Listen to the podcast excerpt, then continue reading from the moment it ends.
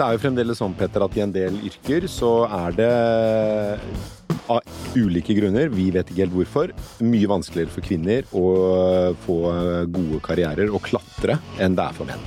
Eh, Jeg, jeg vet hvorfor.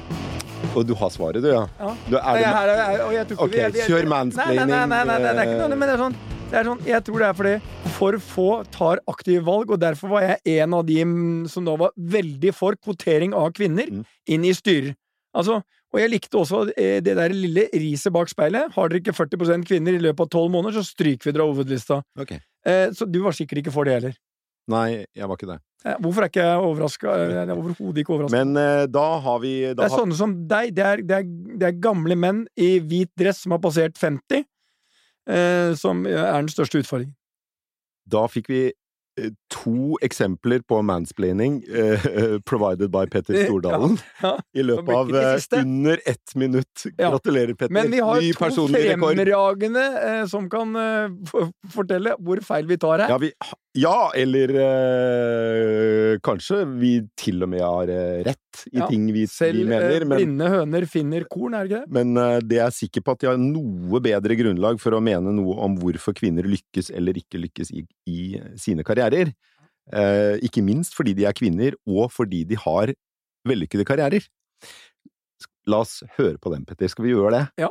Eller skal vi ta deg 20 minutter? Nei, vi, vi, vi, du kan introdusere Vi nå. nå. introduserer gjestene. Ok, da har jeg gleden av å ønske velkommen eh, Anne Sofie Bjørkholt, partner i BAR, leder av eiendomsteam i BAR. Tusen takk. Velkommen, eh, Anne Sofie. Du er jo, og har vært det i flere år, Norges, høy, Norges høyest lønnede kvinne. Ja, det er helt sprøtt. Er helt Er det fordi lønna er eh, hva, Hvorfor er det sprøtt? Nei, det er så sprøtt at det ble meg. Det syns jeg er sprøtt. Det er gøy. Og så har vi deg, Silja Inndal, som er administrerende direktør i Equity Foundation. Dette er en stiftelse EQT, E tror jeg det heter. Ja, men det er jo equity. E- EQT, EQT EQT Eh, La oss eh, høre. Silja Inndals eh, forklaring på det. Hva vil du sagt? jeg sier EQT. og vi EQT sier EQT. Men det jo, kommer jo fra navnet equity, som egentlig handler om, om likhet og fairness. Og eh, dette er jo et svært eh, PE-selskap som da har en stiftelse som du leder. Og denne stiftelsen, hva er formålet til den? Formålet er, altså på engelsk så sier vi push uh, the frontiers of impact. At man skal tørre å ta vågale valg med kapital for å drive samfunnet framover. Men, eh, og stiftelsen skal gjøre hva? Vi investerer i klimateknologi Klimateknologi. og sosial innovasjon, og spesielt innenfor det temaet vi snakker om i dag. Eh, kvinnehelse, for eksempel, og en del av banebryterforskningen som skjer nå, som skaper nye forretningsmodeller for et mer inkluderende eh, samfunn. Ok.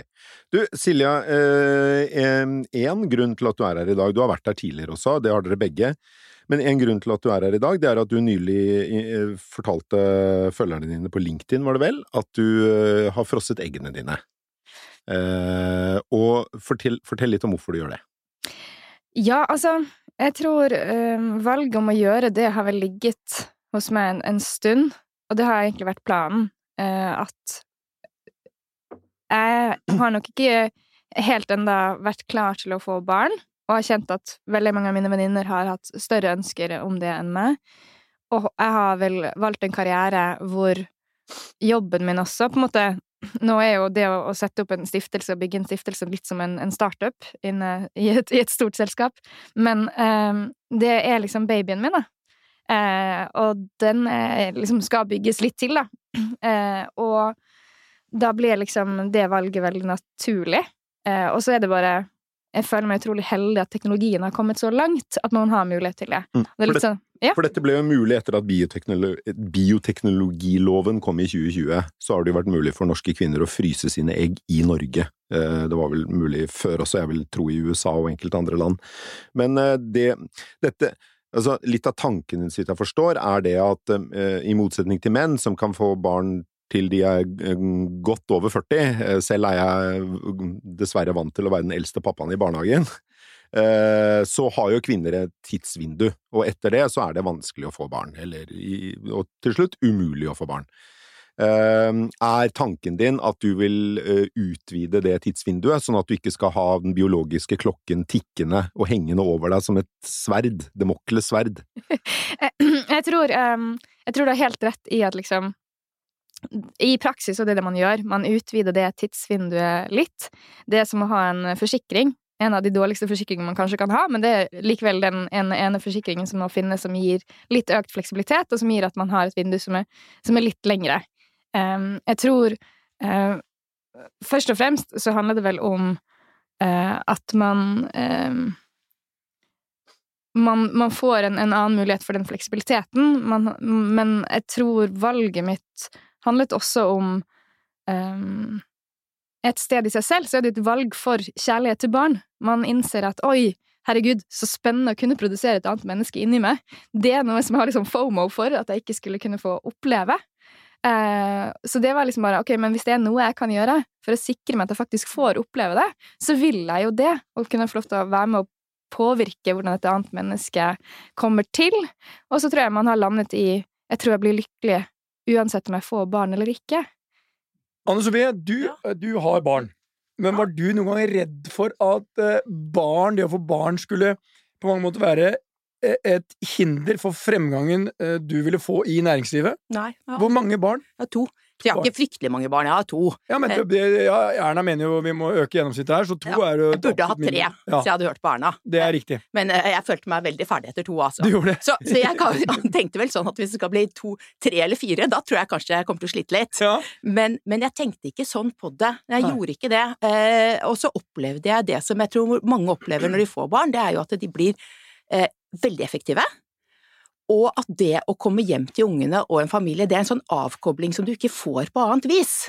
Altså det er en sånn du, du eh, Fra å være kjempekonsentrert om jobben din, for det må du være, for du må få det unna ganske fort, kommer du hjem og så tenker du at kanskje det blir veldig slitsomt med de ungene, men så blir det ikke det, for da skrur du om på noe helt annet, og så får du en helt annen avslapping som du kanskje kan få hvis du trener, det kan kanskje være en annen måte å gjøre det på, men, men det en eh, Det gir en sånn vekselvirkning som jeg tror folk blir ganske overraska over hvor eh, godt funker, da. Så, så nei, jeg har ikke tenkt på det sånn, og jeg har eh, tenkt at det var selvfølgelig hektisk. Eh, de harde 30-åra er harde 30 år, det, er- sånn er Du det jo. satt karrieren aldri på vent eller på Nei. hold? Nei. Ikke? Nei. Nei. Og du var jo en ganske tøff bransje. Det er, tøff, det er, det er jo en del eh, der. Det er det jo, eh, så, så, men jeg hadde sånn vanlig perm, og da mannen min hadde perm også, så vi delte litt på det og sånn, og så eh, tenkte jeg litt sånn jeg var, Hvis jeg var bevisst på noe, da, jeg er jo, jeg er jo ikke helt bevisstløs, Nei. så var jeg bevisst på å ikke høre, sa, høre på hva andre sa til meg. Jeg var bevisst på at jeg skulle teste det ut selv, og se om dette er dette egentlig riktig. Er det sånn at det ikke går? Eh, er det sånn at eh, jeg må ha au pair? Er det sånn, sånn og sånn? Nei. Du hadde ingenting? Jeg hadde svigerforeldre i annen etasje. Å, ja. Hvordan er det med, hvordan er det med Du har jo ikke noen svigerforeldre i bar i annen etasje, men hvordan er det med kvinnefordelingen i bar? Er den, er den noe du er eh, stolt av? Nei, ikke på partnernivå, nei. Det er ikke noe å være stolt av. Nei, hvor mange, er, hvor mange partnere er det? Jeg, jeg tror vi er sånn cirka 40, og så er vi Hvor mange prosent var vi av kvinner, Altså? Hva antallet. Ja jeg, jeg tror vi er en, øh, sju. Sju? Sju. Nesten 20% Ja, sånn oppunder 20. 20. Ja. Og det er bedre enn det har vært før, altså. Men greia er jo at eh, da jeg ble partner for veldig lenge siden, i, eh, da var jeg Vikborg på Rein, da var det en sånn periode hvor det ble tatt opp masse kvinnelige partnere, så vi var veldig mange, vi var like mange da som nå. Ja. Men de har slutta. De har sluttet, ja.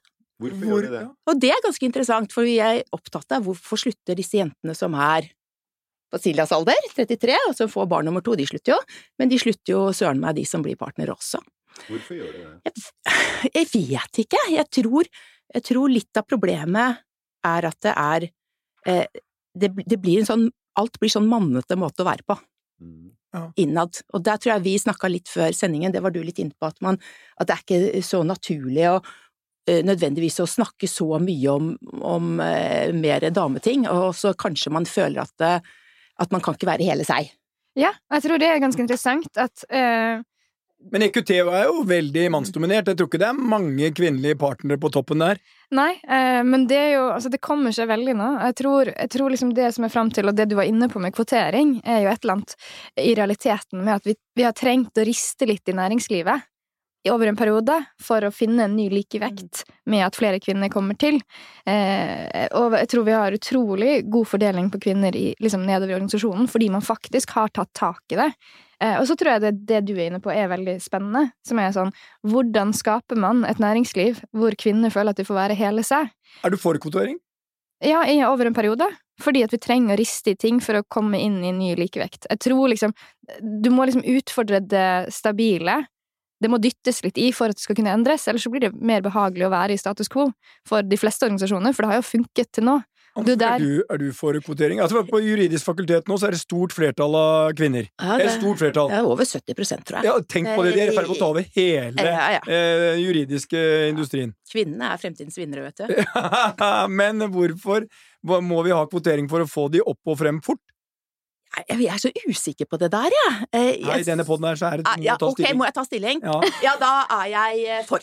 Du er for?! Ja. Oi, og så kommer den siste ultrakonservative, den gamle legendariske redaktøren. Uh, nå er det tre for kvotering i alle på Malle. Og du, Per? Nå hadde ikke jeg forberedt meg på at dette skulle være en podkast om, om, kvotering av kvinner i ja, norske styrer, men uh, Nei, det finnes jo mange eksempler på at kvotering uh, virker, eller man kan i hvert fall se at uh, kvotering og økt kvinneandel uh, henger sammen, men det er ikke nødvendigvis sånn at det er uh, årsak-virkning.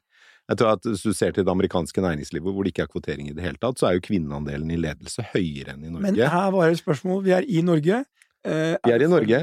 Ja, nei, jeg er jo prinsipielt imot kvotering. Jeg syns ikke noe om det, og jeg syns også at eksempelet ditt fra bar, Anne Sofie, eh, viser at man kan eh, man kan snakke om eh, kvinner og ledelse så mye man vil, man kan kvotere kvinner i ledelse så mye man vil, men til syvende og sist så tror jeg jo det handler om noe kulturelt mer enn mer enn noe sånn lovfestet. Og så, så jeg er litt nysgjerrig på dette med at man ikke føler at man kan være hele seg, og at man har en kultur som er Er det liksom brakkekultur i bar? Det, er, det, er, ikke brakkekultur, og det er jo veldig mange jenter der, da. På, sånn totalt sett så er vi jo 50-50. Men det blir likevel, og det gjelder jo ikke bare der, men det gjelder vel alle steder hvor mange menn er samlet, at da, da eh, samhandler man og, og, samtaler på en sånn eh, måte hvor det ikke helt passer Altså, man kan godt være med, og det kan være kult og gøy og alt mulig, men så er det et eller annet som mangler. Ja, og så tror jeg det faktisk handler om noe helt liksom Hvis vi snakker om hva er det som ikke snakkes om på jobb? Svak, ja. Svakheter, sårbarhet Altså all høyprestasjonskultur kommer jo av at man skal vise seg selv som sterk. Eh, og kvinner og bonding og mye av de miljøene man også trives i, som jeg også tror menn trives i, er jo når man får liksom ekte koblinger blant mennesker fordi man er ærlig på hvem man er, og hva som er tøft. Mm. Og det gjør vi nå med familien og vennene våre, og vi gjør ikke det så mye på arbeidsplassen. Og det liksom Der opplever jeg kjempeendring i organisasjoner når man kan ha samtaler med teamene sine på ekte ting. Og det tror jeg også kommer til å endre seg, og det kommer til å gjøre at flere liksom Du kan si man ikke trenger å dra fra, fra, organisasjonene, fordi du trenger ikke Du blir sliten når du står på på alle kanter, og du alltid må liksom show yourself perfect at work, eh, men at du også får lov til å være menneske der. Men jeg tror rent sånn om kvinnehelse, så handler det vel mer om at man er redd for å snakke om det fordi man er redd for å bli tatt bort fra prosjekter, eller ikke bli sett eller ikke bli gitt. Nå er jeg i en posisjon hvor jeg selv leder et team, og hvor det er ingen som kommer til å gi meg mindre arbeid hvis de trodde at jeg skulle stifte familie eller barn. Og det har vært liksom viktig for meg å komme i sånne roller tidligere, sånn at jeg har den fleksibiliteten.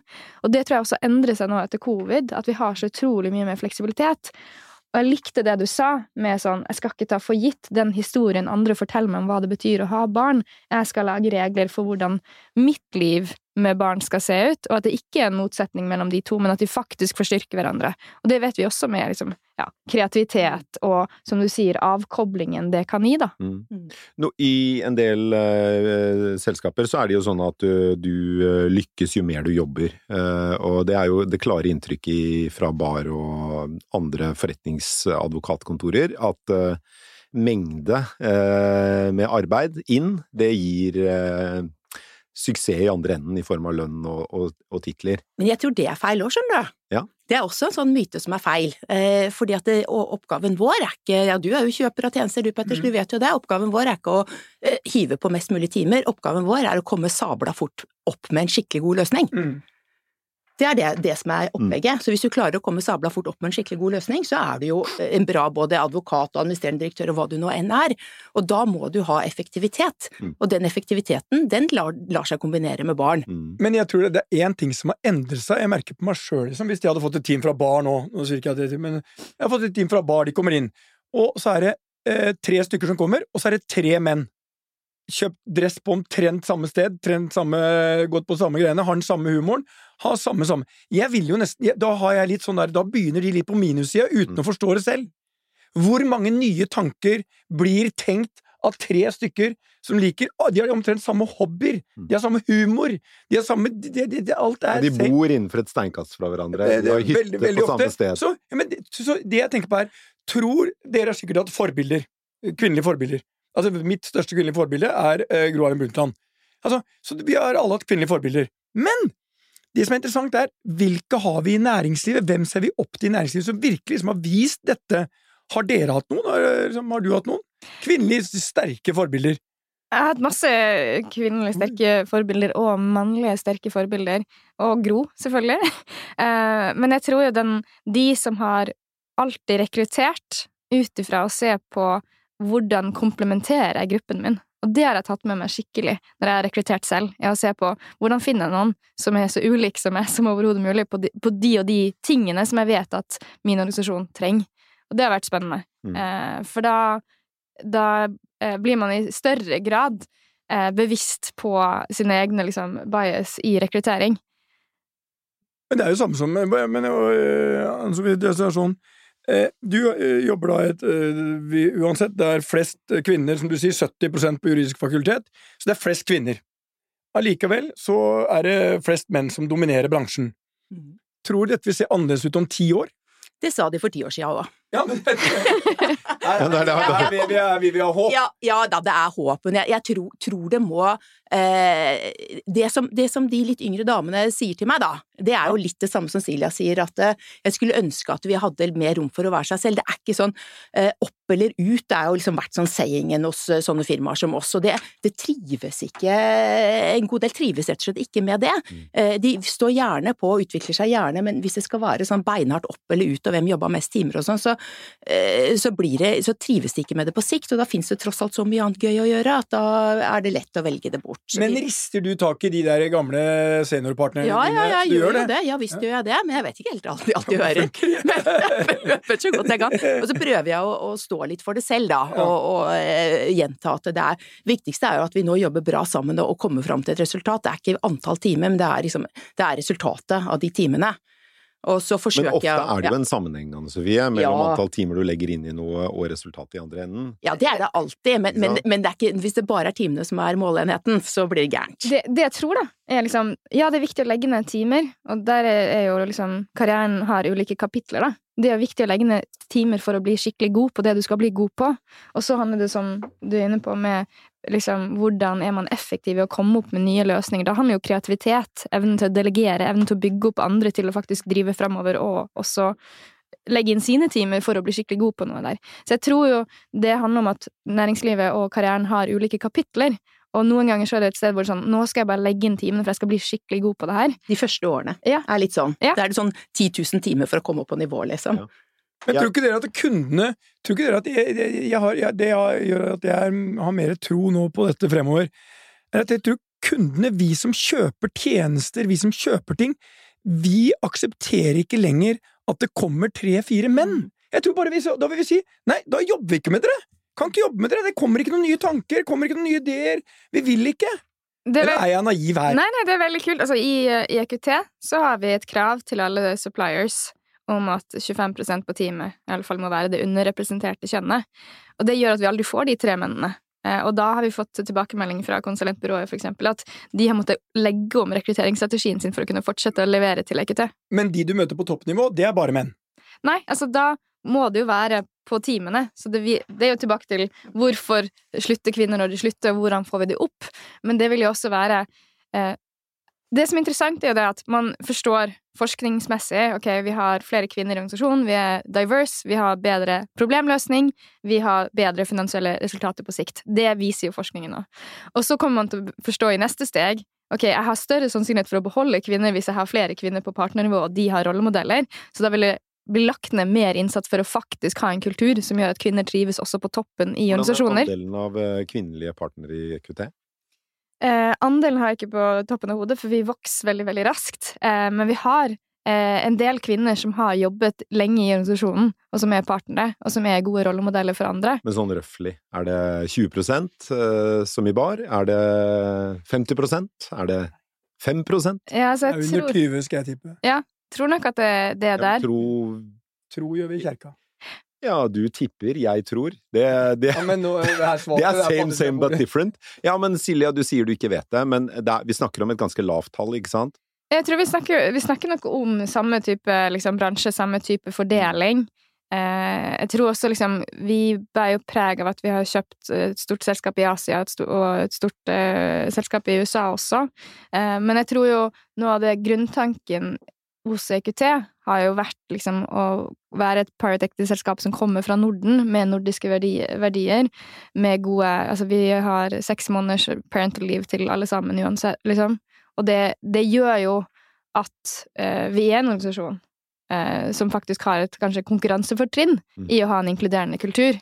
Vi har både kvinnenettverk, men vi har også nå startet et LGBT pluss-nettverk. Mm. Så det er jo en veldig romslig kultur for å skulle kunne være seg Mm. selv. Og det tror jeg det er noe av det liksom, som, jeg, som jeg syns har vært gøyest når jeg har møtt eh, ansatte, har vært at de føler at verdiene og kulturen til EQT gjør at de har mandat til å være seg selv. Mm. Det er stor takhøyde for å komme på jobb som den du er. Men har vi ikke altså, vi fortsatt et eh, arbeidsliv som legger opp premissene på mange måter eh, ikke basert på at vi har to kjønn, men at vi har ett? Eller er, det Ja, kanskje litt ennå, men Ja. det er absolutt på vei, altså. Og, og jeg kjenner meg ikke igjen at man ikke tør å snakke om at man skal ha barn og sånn. Jeg tror de aller fleste tar det som en selvfølge at de aller fleste kommer til å få barn. Ja. Eh, og at det eh, da skjer en eller annen gang mellom 25 og 40, sånn vanligvis, i hvert fall. Så det er vi eh, Så jeg tenker ikke at det er noe sånn veldig biased, men jeg tror det er mye snakk om at eh, når du får barn nummer to, da går det ikke lenger. Altså det har vært en sånn saying på jussen i alle år. Kom, kom deg inn i et eh, sånn flott advokatfirma, og så bygger du karriere der, men når du får barn nummer to, da må du bli konsernjurist. Mm. Og så snakker alle folk med hverandre om det, ikke sant, og vi vet jo hvordan folk er, men vi følger jo flokken, eh, og så tror de at det er sånn det er, og så planlegger de karrieren sin litt etter det. Så blir det sånn at de siste årene før så holder man litt sånn tilbake, for jeg skal jo ikke bli her.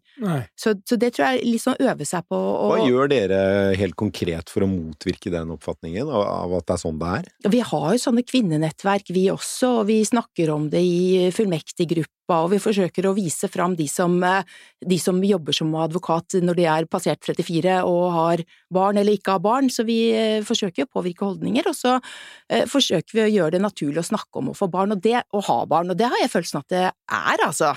Eh, Men så er det jo en annen ting, det er jo det Silje er inne på, det er det der innmari korte tidsvinduet, da. Eh, Og så er det de 30 årene hvor alt skal skje. Skal, det er da man skal liksom bygge karriere, og så skal man få de barna, for vi får jo barn sent, da. Vi får dem jo ikke i 20-årene, vi får dem i 30-årene. Og når du da har eh, sånne enorme barrierer på å komme inn på studiet, du må gå på Bjørknes og ta alle fagene dine om igjen, og etterpå så skal du i militæret, og så skal du begynne å studere, og så skal du ta deg et friår og reise rundt i Asia.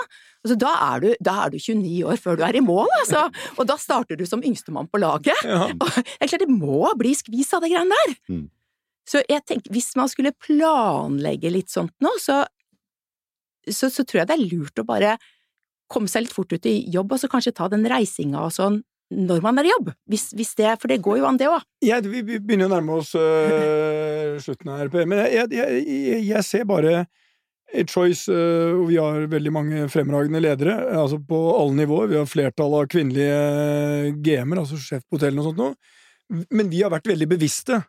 Altså, vi er så bevisste at når vi skulle ha en ny finansdirektør, så sa vi vi skal ha en ny finansdirektør, og vi tror hun er en kvinne. Så kom de headhunterne opp med da basically bare menn, og Torgeir sa som er sjef, dere hørte ikke oppdraget.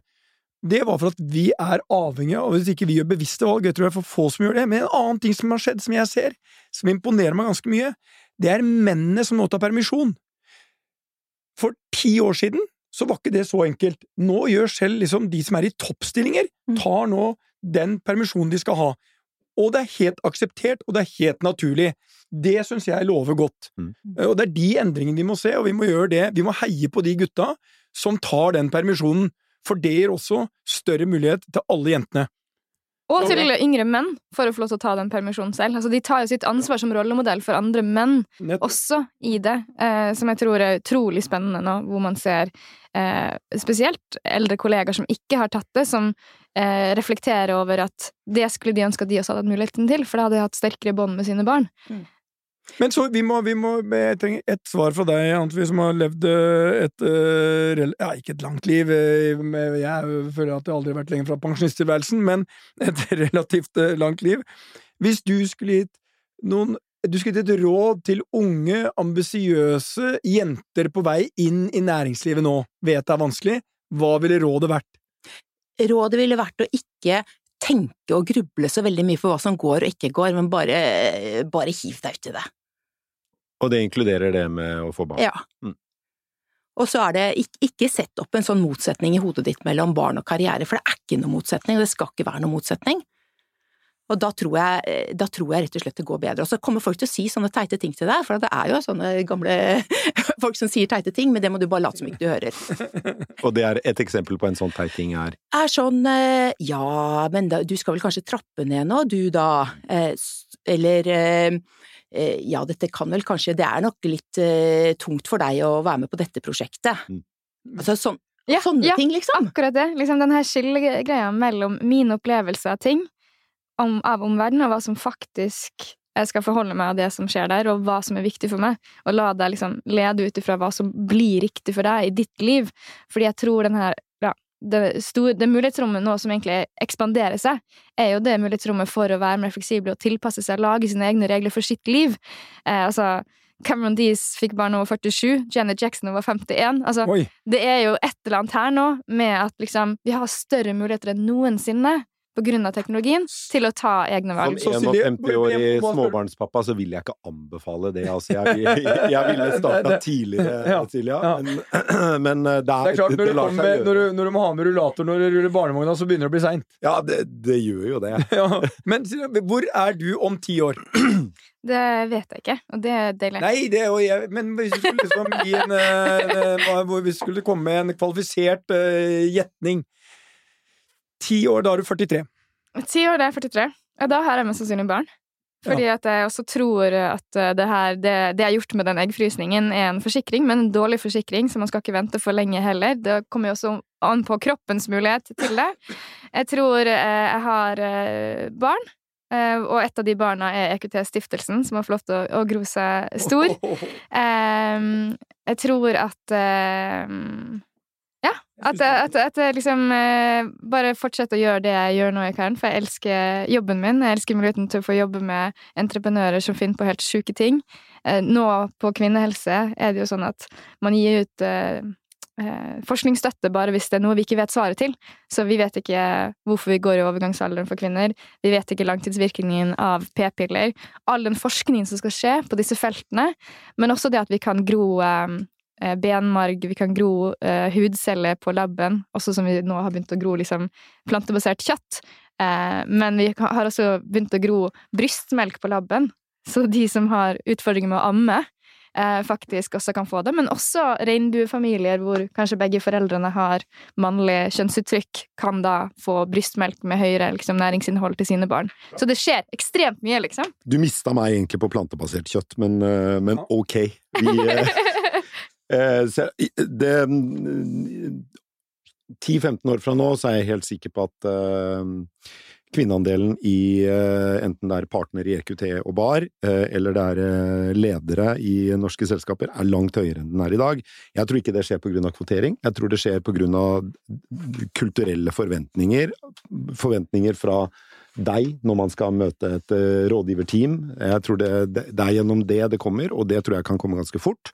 Og så hjelpes det jo veldig da at det er jentene som er vinnerne i studier, helt fra første klasse på barneskolen til master og Det er eh, nesten i ferd med å bli et problem for doktorgrad nå, unge gutter at det henger etter. Så om jeg skulle tippe noe, så nå, hvis, vi, hvis vi gud forby har denne podden om 10-15 år, Petter, så kommer vi heller til å snakke om hvordan vi skal få flere menn inn i Ja, er lederroller i norsk Åh, jeg, næringsliv. håper, jeg håper ikke det- pendelen men- går andre Nei, men jeg håper jo ikke at det skjer, fordi det er Ja, ikke men bra, det Du skulle å ha en oppsummering. Ja, og så ble jeg dystopisk. Ja, det, det er veldig. Så nå må jeg ta en oppsummering. Kjør på, Ja.